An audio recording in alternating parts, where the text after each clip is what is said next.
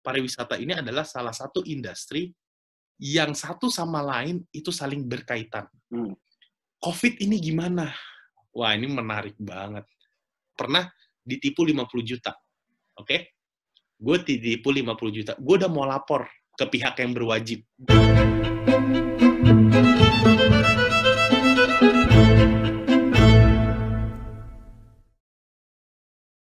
Berarti pernah ada sengketa nggak sih bang kayak eh, Hmm. kan itu kan ngutang ya, ya nggak sih? Hmm. Penagihan ya. Per- Kayak perjanjian itu kayak misalnya nih kalau nggak kalau nggak dibayar tuh nanti gimana penyelesaiannya? Gitu. Nah, ini ini ini menarik nih. Dan gue juga juga mau kasih tahu juga kalau semua tiap bisnis pasti ada uang sekolah. Isinya biaya belajar ya. Iya. Jujur gue pernah ketipu. Pernah. Orang beli tiket di gue dia nggak bayar pernah. Istilahnya. Terus misalnya gini, pernah beli tiket. Kesalahan ini kita ngomong pahitnya ya. Misalnya gini, gue beli tiket, gue bilang William telepon sama gue. William telepon sama gue. Ham, beliin nih tiket Jakarta Malang eh, jam segini. Misalnya tadi William udah bilang jam 10.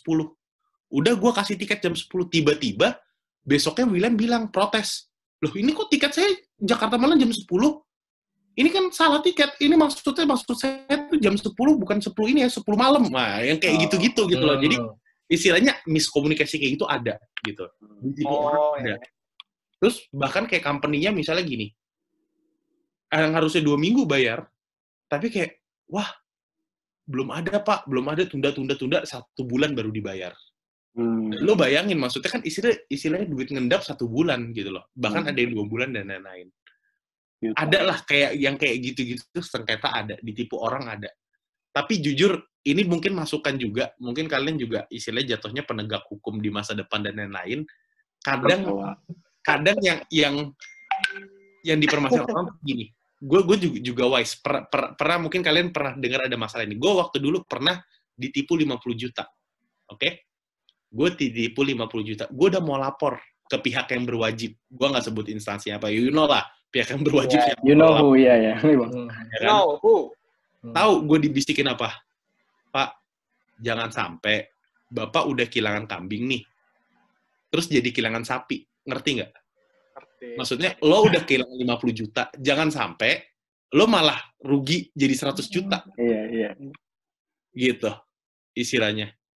Dan waktu itu gue sempat ke kantor setempat, istilahnya ada orang di sebelah gue lapor, bisa Pak saya kehilangan mobil, mobilnya apa? Xenia, Xenia dia baru beli berapa? 120 juta, itu lempeng aja. Ya udah Pak, kasarnya tuh kayak, aduh kayak mau apa ya maksudnya? Ya udah deh pak ikhlasin aja 120 juta. Ya emang mau gimana lagi gitu. Kurang atensi, Bang. LCGC. kurang Tapi kayak- atensi. kasus kita tuh kasus receh. Paham nggak? Iya. jadi kalau Iya, iya, hilang iya. cuma kasarnya gini. Kalau lu hilang cuma 50 juta cuma hilang Xenia udah deh ikhlasin Ikhlasin rezeki orang Nah. gitu. Bahasanya kayak gitu jujur bahasanya kayak gitu Itu gue ya udah. itu dalam sih bang. Penegakan hukum tuh emang kacau abis sih. nah ya. jadi gue jujur akhirnya ya udah gue ikhlasin aja ya maksudnya Iya. mereka baik mereka kooperatif mereka Hmm. udah nawarin gue ini kalau diproses maksudnya ya mungkin ada biaya pengadilan ya jujur aja biaya pengadilan kan ada ya maksudnya kan Iya. Ya maksudnya gue juga nggak munak lah. Maksudnya untuk ngejar si tersangka itu kan butuh butuh uang bensin. Kalau itu gue nggak munak tapi ya udah akhirnya setelah disarankan dengan bijak ya lebih baik di ya udah maksudnya diikhlasin aja jadi pembelajaran gitu Hmm. tapi ya itu. Jadi poinnya adalah ketika lu bisnis ada satu masalah sengketa hukum Hmm. nggak bisa juga lu hajar dengan hukum juga. Hmm. akhirnya ada ada faktor ya udahlah mau gimana lagi bos? Gitu Soalnya memang gitu bang. Udah Eh. belum bayar belum bayar mahal lawyernya ya nggak sih? Iya. nah Pengadilan segala Betul. ya nggak? Itu Betul. 50 juta mah udah nggak dapat apa-apa lagi bang. Udah hilang Betul. iya kan gue harus pakai lawyer istilahnya istilahnya kan gue harus pakai lawyer udah dibiarin jadi akhirnya gue hilang 50 juta jadi jadi total 100 juta gitu kan Hilang rumah malah.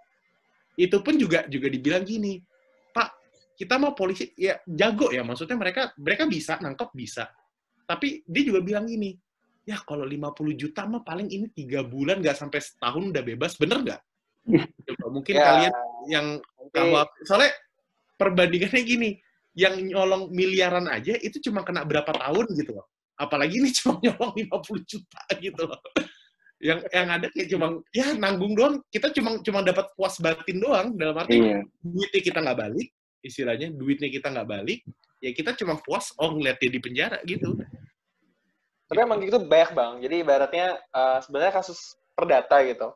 Cuma Hmm. karena gue kesal sama dia, udah pokoknya gimana nahan. caranya biar dia bisa masuk ke tempat penjara misalnya gitu. iya iya iya Cuma ada iya kayak gitu biasanya. Itu juga kapitalisasi juga sebenarnya. iya ya ya sadis ya gi- gimana ya maksudnya Oh, kalau bahas hukum sebenarnya kita agak serem sih bang.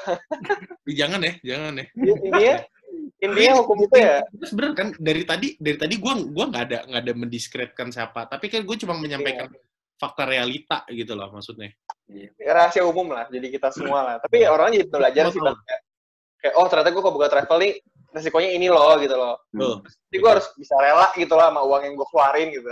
Yes, yes. Dan dan jujur istilahnya lu juga jangan ngang nah kadang orang mindsetnya travel itu cuma travel agent. Hmm. Nah kalau sekarang gue alhamdulillah gue kayak mendeskripsikan diri gue gue udah di level gak maksudnya bukan level yang kayak gimana atas bawah enggak ya maksudnya gue udah udah di satu company yang bisa disebut tour operatornya Hmm. jadi tour operatornya gini, misalnya gini. Di si- lu lu beli, lu beli paket, biasanya kan kadang kalau di travel agent kan banyak paket tuh. Hmm. Beli paket paket Malaysia tiga hari dua malam gini gini gini. Nah, Hmm. kalau travel agent itu ada paket segitu. Misalnya lu harga paket per orang 2 juta. Itu travel agent cuma ngambil 200 ribu. And then dia lempar lagi ke orang. Siapakah orang tersebut adalah perusahaan yang mengoperatornya itu. Hmm. Ya udah itu gua Oke oke oke. itu yang gue lakukan di Eropa. Jadi misalnya gini, eh lo lo lo mungkin di Instagram gue nggak tahu ya gimana, ada tour ke Eropa gini-gini kan Hmm. landing di Milan apa segala. Nah itu itu gue yang ngerjain. Sekarang ini company gue yang gue ngerjain. Makanya menariknya gini, kantor gue nih bisa dibilang satu travel yang paling aneh. Kenapa? Gue nyari kantor. Biasanya kalau travel itu kan nyari kantor yang rame, tempatnya strategis, didatengin orang, istilahnya bener-bener lalu lalang orang lah, kalau bisa yang spotnya menarik dan lain-lain. Nah, kantor gue, gue di office tower. Lu bayangin ya, kantor gue, gue travel, gue jual jasa, tapi kantor gue di office tower. Yang which is, kalau di office tower tuh yang kayak di gedung gitu kan sih, Hmm. nggak ada yang Sering nggak ada lihat gedung gitu. Karena bener-bener Ruangan gitu kan, Bang? Iya. Dan gue di lantai 16 gitu. Istilah gue bener-bener kantor, eh kayak law firm lah. Law firm kan Iya. banyak ya udah lo bayangin gitu gue bukan yang di pinggir jalan enggak jadi gue gue udah level udah gue nggak nggak nyari jualan tapi kayak istilahnya banyak travel agent yang istilahnya bang tolong hitungin paket nah biasanya banyak nih yang bingung nih. Misalnya lo travel agent nih. Hmm. "Em, tolong saya ada permintaan nih. Misalnya gini si travel agent ini nah si travel agent ini gini. Ham tolongin eh, ini ada permintaan paket 20 orang dari dari dinas eh, pertamanan. Ini mau ada studi kerja ke Korea. Tolong hitungin cepat gitu. Nah itu gue yang hitungin ini Korea sekian gini gini gini gini. Gitu dan itu nanti gue yang operate di Korea pun gue yang operate gue kontrak sama hotel kontrak sama transport dan lain-lain itu Hmm. jadi satu nah itu yang operate gue Oh. gitu Bang, berarti bahasa ininya bahasa mudanya berarti kayak IO gitu ya, IO pariwisata gitu nggak sih? iya betul travel Iya. organizer travel Iya, organizer ya? betul Ya. betul dari Saya A baru sampai baru dengar kata-kata itu sih kata travel operator. Tapi Iya, tour operator. Iya. Kalau kita disebutnya tour Iya. operator. Jadi yang Tour kita yang benar-benar ngoperate. Hmm. Sedangkan si travel agent itu yang di Indonesia dia cuma tahu beres gini. Misalnya dia dia misalnya dapat harga misalnya gue gue gue lemparkannya, "Bang, ini ada harganya 5 juta per orang." gitu kan. Nah, nanti gue gue ke travel agent 5 juta per orang. Nanti si travel agent itu ngejual ke orang ya bisa 2 juta, bisa tujuh setengah Hmm. juta, itu terserah dia. Hmm. dan nanti dan nanti istilahnya ketika di Korea atau di Jepang benderanya istilahnya itu bukan pakai bendera gua itu pakai istilahnya pakai pakai bendera si travel travel sana gitu. Hmm. jadi mungkin ya kalau misal William juga jadi saksi misal gue pertemanan sama William mungkin gue bukan orang yang kayak tiap saat misalkan ada orang kayak wah gue promosiin travel di mana di sosial media gue pribadi. Ini gue justru kayak hampir nggak pernah gitu ya sesekali pernah gitu. Tapi gue ya udah ya biasa aja. Gue tiba-tiba langsung mencolok di sini mencolok di sini. Tapi sebenarnya banyak dari itu adalah gue justru nggak ngerjain yang punya Astraf, tapi itu by request sama banyak sih sub sub agent. Sub sub agentnya tadi ya. Hmm. Betul, travel agent travel agent gitu. Itu istilahnya. Menarik. Berarti bisnis travel itu ini bang ya, ibaratnya gue dapat definisinya nggak perlu aset banyak, yang penting bisa banyak relasi sama komunikasi gitu kan sih. Kan kalau relasi misalnya, komunikasi, make a dealing dan lain-lain, Will. Contoh kayak misalnya gini, dulu awal-awal Will, gue susah banget. Kayak misalnya karena nggak ada yang tahu gue gitu. Siapa lu perusahaan dari Indonesia? Misalnya gini, ah, siapa lo kucuk-kucuk datang, misalnya gue Mercure nih, gue Ibis deh, gue Ibis Hotel. Ah. Gue Ibis Hotel di Prancis. Kucuk-kucuk, gue gue datang, gue email, gue minta harga eh, bener-bener harga wholesale gitu. Ya gue pertama nggak dikasih, kayak ya udah lu coba dulu. Ya udah gue beli aja terus gue banyak belanja, banyak belanja. Nah ujung-ujungnya nanti supplier itu bener-bener akhirnya apa ya? Memberikan kepercayaan ke kita dan ya udah di-adjust harganya gitu. Hmm, Ya itu istilahnya by the time aja sih sebenarnya. Hmm. Dengan banyaknya frekuensi dan lain-lain gitu loh. hmm. Jadi gue juga ngejar frekuensi karena gini, ketika gue gue makin banyak istilah transaksi, gue gue jual nggak nggak mahal-mahal. Ketika gue makin banyak transaksi, gue tuh semakin banyak bisa ngepres supplier. Ini pelajaran juga mungkin bisnis mana pun ya, istilahnya gini. Kenapa grosir itu bisa harganya murah? Karena di satu sisi dia mereka bisa bisa nge, nge nge-push HPP-nya. Kayak misalnya gini, gue kan supplier gue kan berarti kan perusahaan transport, eh, bus, restoran, eh, hotel dan lain-lain, airlines gitu. Karena gue banyak, gue bisa gini kayak, eh lu, gue ada di banyak nih, misalnya, eh, lu tau lah bulan kemarin gue udah udah isut eh, sekian ratus orang gini, Hmm. tolong dong murahin kayak gini-gini. Nah itu itu yang dilakukan kayak gitu. Ya travel umroh haji gue juga yakin sama kok cara bisnisnya kayak gitu. Gitu. Jadi once dia udah banyak kuantitinya, dia akan press ke supplier Siap, siap, siap. dan lu bakal dapat harga yang murah. Dan lu kalau lu udah dapat harga yang murah, itu udah enak banget. Kenapa? Karena kalau lu udah dapat harga yang murah, lu bisa mainkan harga sama kompetitor lu. Karena kan kompetitor lu belum tentu dapat harga dari supplier di harga murah gitu istilahnya. Lu bisa iniin berapa ya terserah lu, margin itu ya urusan company lu. Maksudnya seberapa besar kan bayar gaji karyawan dan lain-lain gitu. Itu sih. kan gini bang ya kan orang ngeliatnya kan Instagram lu kan kayak heboh aja gitu kan keluar negeri ke mana nih bang Irham nih kayak seru banget gitu kan Hmm. gue di rumah gitu nggak ngapain gue di kantor cuma ngurusin berkas gitu misalnya Ternyata gawe, bos.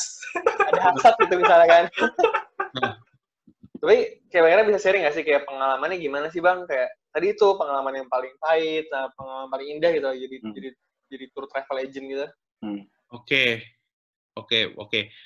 Jadi gue mau cerita juga. Jadi nah ini harus harus dibedakan ya. Maksudnya kalau tadi gue ngomong mungkin sebagai eh, ya salah satu pemimpin perusahaan direksi lah, direksi Ya. perusahaan. Gue mikirin bisnisnya. Nah, ketika gue keluar negeri, gue bukan direksi ke perusahaan.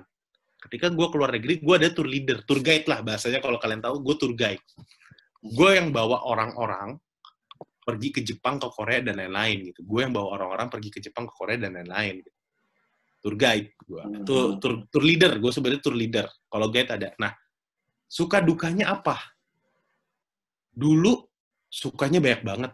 Satu, siapa sih yang nggak mau jalan-jalan? Ya nggak? kayak Udah gratis, digaji pula, Gaji lagi. ya kan? Gaya lagi istilahnya, wah ke bandara gue mimpin lombongan nih, gitu Ya, kan. Wah, kayak gimana keren gitu kan istilahnya. banyak kenalan lagi bang ya Hah? banyak kenalan ya Ya gitulah maksudnya kayak ibarat kata kayak besok ke Singapura aja udah bangga, Bos. Padahal cuma Malaysia Singapura. Wah, besok ke Malaysia gue udah excited banget.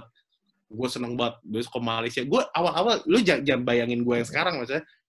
Awal-awal gue 2012 lah. Oke, 2011 kan gue agen tiket ya. 2012 gue mulai tuh jadi mulailah keluar kenal luar negeri lah bahasanya. Hmm. Dulu kan domestik gitu. Kenal luar negeri. Kenal luar negeri gue juga bertahap, Bos. Gue nggak langsung kayak langsung Amerika enggak Hmm. tahap Malaysia Singapura Malaysia Singapura kan naik dikit lagi ke Thailand naik dikit lagi Vietnam gitu kan Hong Kong Makau kayak gitu-gitu nah udah tuh mulai Korea Jepang jadi Asia Asia dulu gitu loh dan itu ya seneng banget gitu maksudnya suka dukanya satu lo jalan-jalan gratis eh, lo juga dapat earn money, maksudnya sebagai tour leader lo juga digaji sama sama perusahaan gitu ya. Terus juga lo dapat experience, lo juga punya wawasan baru. Istilah wawasan baru ini yang paling mahal. Kenapa? Karena satu hal yang nggak akan bisa lu dapetin di Indonesia. Indonesia is Indonesia dengan budayanya, dengan culture-nya sendiri. as Indonesian people. Tapi when lu ke Singapura, when lu datang ke Malaysia, Thailand, lu akan berbeda-beda budayanya. Lu datang ke Singapura dari segi bahasa udah beda. Culture-nya udah beda. Istilahnya kan, lu nyebrang lagi ke Malaysia udah beda. Walaupun kita bisa berbahasa Melayu ya. Hmm. Tapi beda, it's different totally. It's different. Nah, itu yang bisa yang istilahnya bisa menambah kita wawasan lah. Misalnya memperkaya lah, maksudnya selagi muda ya apalagi sih yang kita cari kalau selain pengalaman gitu kan istilahnya bener-bener yang ya kita cari bener-bener ya sesuatu something gitu loh. Oh di Malaysia ini terkenal ini ya. Oh negaranya kok bisa tiba-tiba maju banget ya perasaan dulu Malaysia yang gini banget sama Indonesia Iya, gitu iya. kan.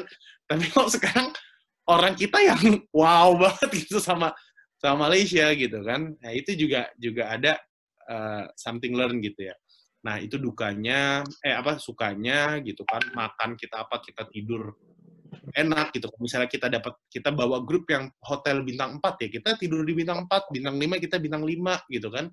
Itu sukanya, tapi dukanya pun ada. Maksudnya, jujur, jadi tour leader ini, gue bukan orang yang gini.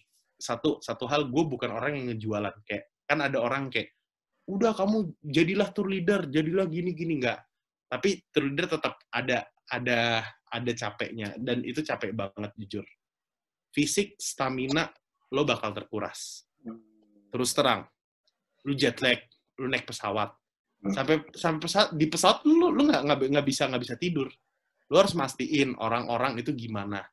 Ada loh orang-orang yang kayak istilahnya ya nanyanya macem-macem. Nanti kalau landing HP saya gimana dan lain itu lo harus memastikan gitu kan. Sampai landing di pesawat, orang kan pasti kan, Mas tunggu dulu ya mau ke toilet apa segala ya lu harus ngitungin lagi. Jalan di imigrasi, imigrasi kan nggak semuanya mulus. Hmm. Kalau ada yang ketangkep dan lain-lain gitu kan, Iya, istilah iya, lu iya. atau leader harus kasih laporan. Oh ya ini data-data apa segala ada. Ngambil bagasi, syukur kalau airlines bagasinya udah keambil semua, ke kolek semua. Kalau tiba-tiba ada yang ketinggalan di Jakarta, ada yang kayak gitu. Ketinggalan di Jakarta, bagasinya hilang apa segala. Pernah gua ngalamin. Apa tugas tour leader? Tugas tour leader ada compliance. Jadi dia pergi ke counter untuk bikin laporan, bikin report, gini-gini gini. Setelah bikin report kan nggak selesai. Tapi kan ini orang kan nggak lucu. Kalau misalnya hari itu dia nggak ada koper, gimana? Kita harus tracking. Kita harus telepon sama kantor Jakarta. Ini bagasinya gimana nih? Di mana bagasinya gini-gini? Hari ini harus nyampe nyampe nyampe dan ya seperti itulah. Itu ada ada dukanya. Misalnya dapat kamar hotel yang udah lu udah masuk tiba-tiba tamu komplain kayak Mas ini kok kamar saya kurang dingin ya AC-nya. Nah, yang kayak gitu karena pasti ke tour leader gitu loh. Eh. Dan lu nggak lu nggak nggak mungkin nggak mungkin jawab kayak gini. Ya itu kan hotel ya Pak. Ya maksudnya eh, sebenarnya kan yang salah hotelnya kan. Bener. Yang salah hotelnya kan. Iya. Yang salah kan hotelnya kan, bukan gua. Hmm. Yang punya hotelnya dia gitu. kan.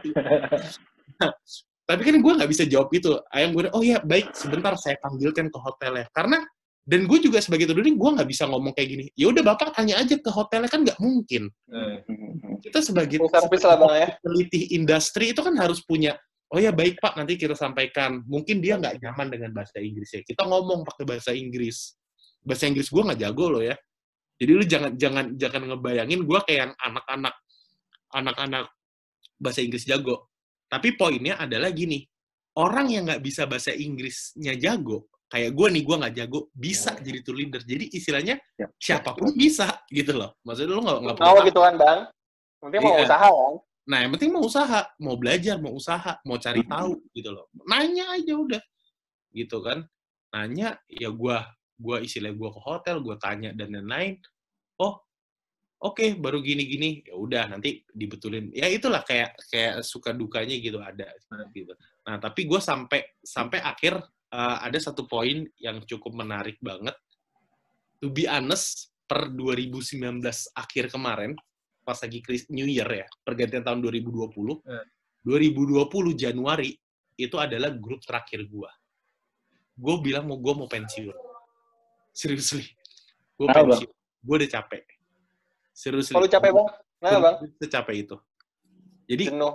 jenuh, capek itu. Jadi dulu gini, gue dulu tour leader ada di titik gini. Hmm. Dulu gue ke Malaysia atau ke Singapura, malam hari ini Hamin satu nih. Misalnya besok gue terbang jam 4, jam, misalnya gue jam 6, jam 6 pagi, gue ter- terbang. Which is gue jam 3 itu udah di bandara gitu. Jam 2 gue udah siap-siap. Itu gue excited, gue seneng, seneng banget, gue happy gitu kan. Wah, semangat sama kerjaan gue. Ini gue. Terus gue kerja, kerja itu gue semangat dan di hari akhir gue kerja, misalnya misalnya hari ketiga nih, paket Singapura tiga hari dua malam. Di hari terakhir tuh gue sedih justru kenapa? Ya gue harus pulang. Gue sebenarnya nggak mau pulang, gue masih mau menikmatin kerja gue gitu loh. Hmm. Tapi lu harus tahu yang sekarang gue rasain nih, sekarang ya 2020, udah balik. Kalau misalnya besok gue harus terbang ke Eropa, itu gue kayak, aduh besok harus berangkat ya. Sumpah, gue kayak gitu beneran. Aduh besok harus berangkat ya. Aduh besok harus 10 hari. Itu gue rasanya kayak udah, kayak kayak udah nggak ada feel gitu loh, udah kayak nggak ada pompanya gitu kan. Jadi is- istilahnya kayak, Putur lah. Iya, lun- luntur banget deh kayak kayak istilahnya kayak bener-bener bener-bener bener-bener nggak bisa nggak bisa apa namanya nggak bisa nggak nggak ada lagi. lagi gitu kan. Terus udah sampai di Eropa pun gue mikirnya gini kapan ya pulang gitu kan kapan ya ini pulang gitu kan gue pengen pulang banget gitu ya itulah gitu jadi gue udah ngalamin titik yang gue excited klimaks saya sekarang udah kayak ya udah mau di kantor aja lah gitu ya mau Hmm. ketemu teman-teman dan sebagainya gitu Gimana Kak Bim? Siap, Gue siap. biar masuk juga yang lain nih. Siapa tahu ada yang kepo kan? Ah, ini dari dari dari gue nih bang. Oh, iya. Ya. Di masa covid gimana nih bang? Haha, menarik menarik Iya, bener. Industri mana ya, ya, Iya. Gimana nih, Bang? Soalnya ngeliat, ngeliat data juga ya, Mbak. ya Ngeliat gimana pariwisata salah satu yang paling, waduh, terdampak ya. aduh bener sangat sangat terdampak dari data sih. Bener, Tapi nggak tahu juga aslinya gimana nih. Nah, Ya, ya, Bang. ya, ya. Coba curhat sini bang, kita pengen Oke. denger bang. COVID ya. Jadi ya gini, sebelum gue masuk ke COVID, jadi lo tahu dulu lah, maksudnya pariwisata itu kan luas ya. Maksudnya industri restoran aja itu sebenarnya masuknya ke pariwisata gitu loh. Hmm. Food and beverage itu pariwisata gitu kan, istilahnya ah, rekreasi Dufan semua pariwisata. Event organizer itu pun juga sebenarnya masuk ke pariwisata. Jadi industri pariwisata ini turunannya banyak. Hmm. Airlines, airlines se- sebenarnya masuk transportasi, yes betul. Tapi sebenarnya dia juga pariwisata gitu loh. Hmm. Istilahnya lo yang naik pesawat itu kan nggak cuma orang yang butuh kerja, ada yang pariwisata. Hotel pun juga pariwisata. Nah, COVID ini gimana? Wah, ini menarik banget. Pariwisata itu sebelum gue jawab COVID ini gimana, gue menjadi jadi kalian juga bisa nyimpulin pariwisata ini adalah salah satu industri yang satu sama lain itu saling berkaitan Hmm. Hmm. dan juga multiplier efeknya paling banyak. Apa sih multiplier efek paling banyak? Contoh gini, William mau ke Malang, beli mau gini, William mau liburan ke Bali, itu kan kalau liburan ke Bali kan dia nggak cuma beli tiket, ya dong. Satu, Mhm. ketika William ke Bali dia pasti beli tiketnya, yes betul beli tiketnya. Yang kedua, dari rumah ke bandara, William naik apa? Naik ojek online, misalnya naik Grab, itu kan udah satu ekonomi, ada satu spending. Oh dia, gue bayar 100 ribu ke Grab. Nge-Grab lewat mana? Lewat jalan tol. Jalan tol udah berapa tuh? Tol bandara udah 15 ribu. Spending money-nya kan ada. Hmm. Sampai di bandara, William bawa koper. Ngasih tip ke porter-porternya. Istilahnya kan. William di bandara, udah udah check-in, nunggu. Ya kan pasti jajan kan? Istilahnya jajan di airport. Gitu kan Iya. jajan di airport, terus naik pesawat. Nah, si pesawat dapat duit dong untuk apa? Untuk bayar gaji pilot, bayar gaji pramugari, dan lain-lain gitu kan. Sampai di Bali, William tiba di Bali. Nah, dari Bali kan nggak mungkin William jalan kaki ke hotel. Kita kan orang nggak mungkin jalan kaki ke hotel, istilahnya kan. Pasti butuh transport. Gitu loh. Sampai di hotel, nah orang itu kalau ke Bali kan nggak mungkin nggak mungkin nggak nginep, nggak mungkin tidur di musola gitu kan. Pasti dia tidur di hotel gitu itu berarti kan ada transaksi. Oke, si satu orang itu si William itu juga bayar ke hotel. Istilahnya duitnya itu berputar ke hotel. Hmm. Dan ketika dia di Bali, si William di Bali, kan nggak mungkin nggak makan. Kalau di rumah bisa aja masak masakan emak gitu kan istilahnya. Tapi kalau di Bali ya gue harus beli Makan. harus beli makanan, gue harus jajan. Setidaknya dia jajan ke restoran lokal, ya kan? Nah, Hmm. dia liburan lah, liburan ya kalau usah ditanya ya, kayak misal gue ke atraksi, gue besoknya pergi ke Tanah Lot, tiket masuknya gue bayar. Nah, ketika udah di Tanah Lot, gue kan nggak mungkin nggak beli oleh-oleh kan? Gue Iya. belanja, gue transaksi sama pedagang pedagang oleh-oleh, misalnya oleh-oleh baju, souvenir dan lain-lain, gue belanja di situ. And then gue daftar, gue pulang ke airport, gue harus naik mobil lagi dong ke airport Hmm. Ngurah Rai. And then di Ngurah Rai gue gue nunggu gue jajan minuman dong, jajan Starbucks apalagi itu kan spending money-nya. And then lu naik pesawat lagi, lu beli tiket lagi, pulangnya lu sampai bandara nggak langsung ini kan, lu butuh transport lagi gitu kan untuk ke rumah. Nah, jadi multiplier efek. Nah, ketika corona ini hadir, corona itu kan intinya gini, menjauhkan orang yang udah ada. Kayak bener-bener ini ada rantai Nah, yang saling terhubung, itu corona masuk tuh corona tuh bener-bener motong rantainya. Lu nggak boleh ketemu orang, ya kan? Lu nggak boleh aktivitas di luar. Lu nggak boleh ke mall, ya kan? Lu nggak boleh makan di makan di tempat, Tempat. ya kan? Lu nggak boleh terbang, terbang sekarang harus pakai gini protokol dan lain-lain. Terus ya lu lihat supir taksi juga kasihan banget pas lagi PSBB ya kan? Yang misalnya wah kasihan banget jujur. Nah, ketika Covid gini bisa dibilang pariwisata ambiar langsung. Khususnya di di sektor travel. Bisa dibilang kita bukan bukan turun ya. Kalau turun itu turun misalnya gini, pendapatan. Oh ya, ini kayak kita turun 20%, masih ada 80% gitu dengan revenue.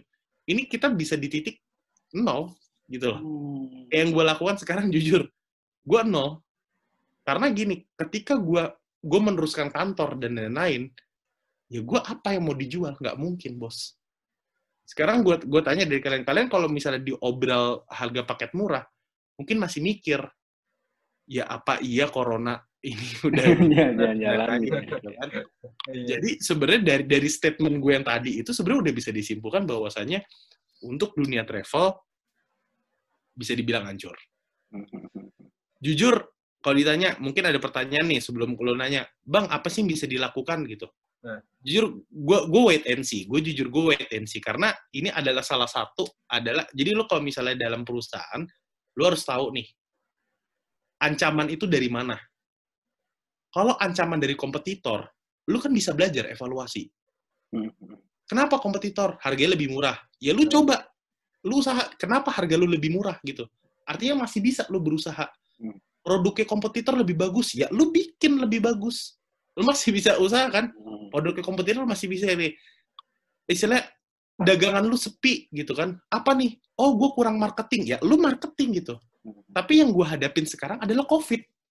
Ya gue nggak bisa ngapa-ngapain gitu. Beda beda beda kayak misalnya gini. Kalau gue jujur aja gue ngadepin dagangan sepi masih oke. Oh dagangan gue sepi. Kenapa ya gue kurang apa ya? Oh mungkin gue kurang iklan. Ya udah eh gue kurang marketing. Ya udah gue ngiklan. Logikanya gitu kan. Oh harga gue kemahalan nih. Ya udah gue turunin harga segampang itu bisnis simple gitu. Tapi ketika covid Hah, gue harus apa? Karena kenapa? Orang-orang juga nggak bakal. Satu pemerintah udah ngelarang gitu kan? Faktor safety-nya juga bener-bener harus gue di harus bener-bener kita perhatikan. Yang akhirnya kita menyebabkan bahwasanya travel ini udah mata rantainya ini bener-bener adalah satu industri yang pes ambiar gitu loh. Dan juga kan kita nggak mungkin bahasanya gini kita nggak mungkin kan virtual tour gue tanya sama lu mungkin nggak virtual tour gitu kan Ada bang, ada main gue gua- coba bang, sumpah bang. Di, di Google Map ada di Google Map bang. Kalau dia takut di- panas mungkin mau bang. Takut panas gitu kayak. Gue malas kepanasan. ada kan Ada. Aku ikut bang, sumpah. di Google Lo Maps ikut, Bim? ada. Ikut dibayangin sama temen gue katanya ini Bim ikut Bim gimana nih ke Sumba katanya oh iya ya. nah coba Ngapain? mungkin ngeliatin, eh, ngeliatin Google Art, Google Maps tuh jelasin sama Tapi bayar?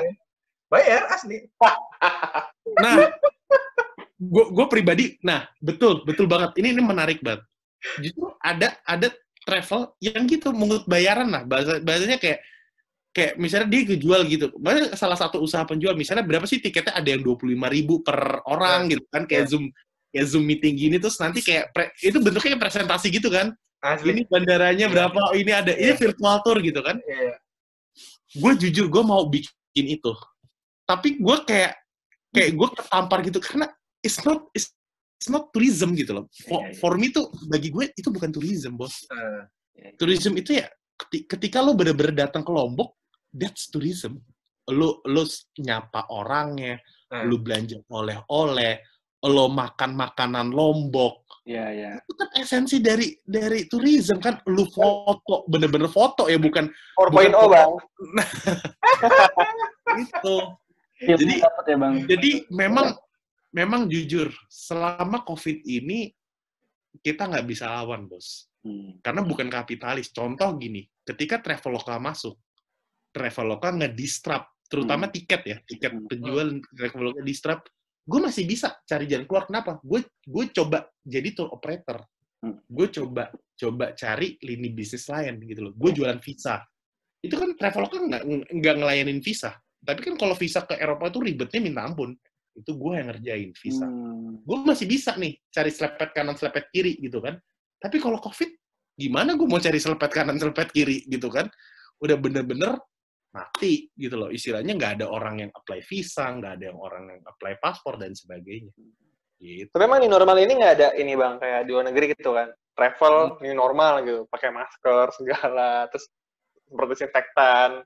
Oh gini Jadi face Gini, COVID gitu loh kayak, aduh COVID kita hadapin aja lah gitu. gini Will Eh, da- dalam dalam suatu tourism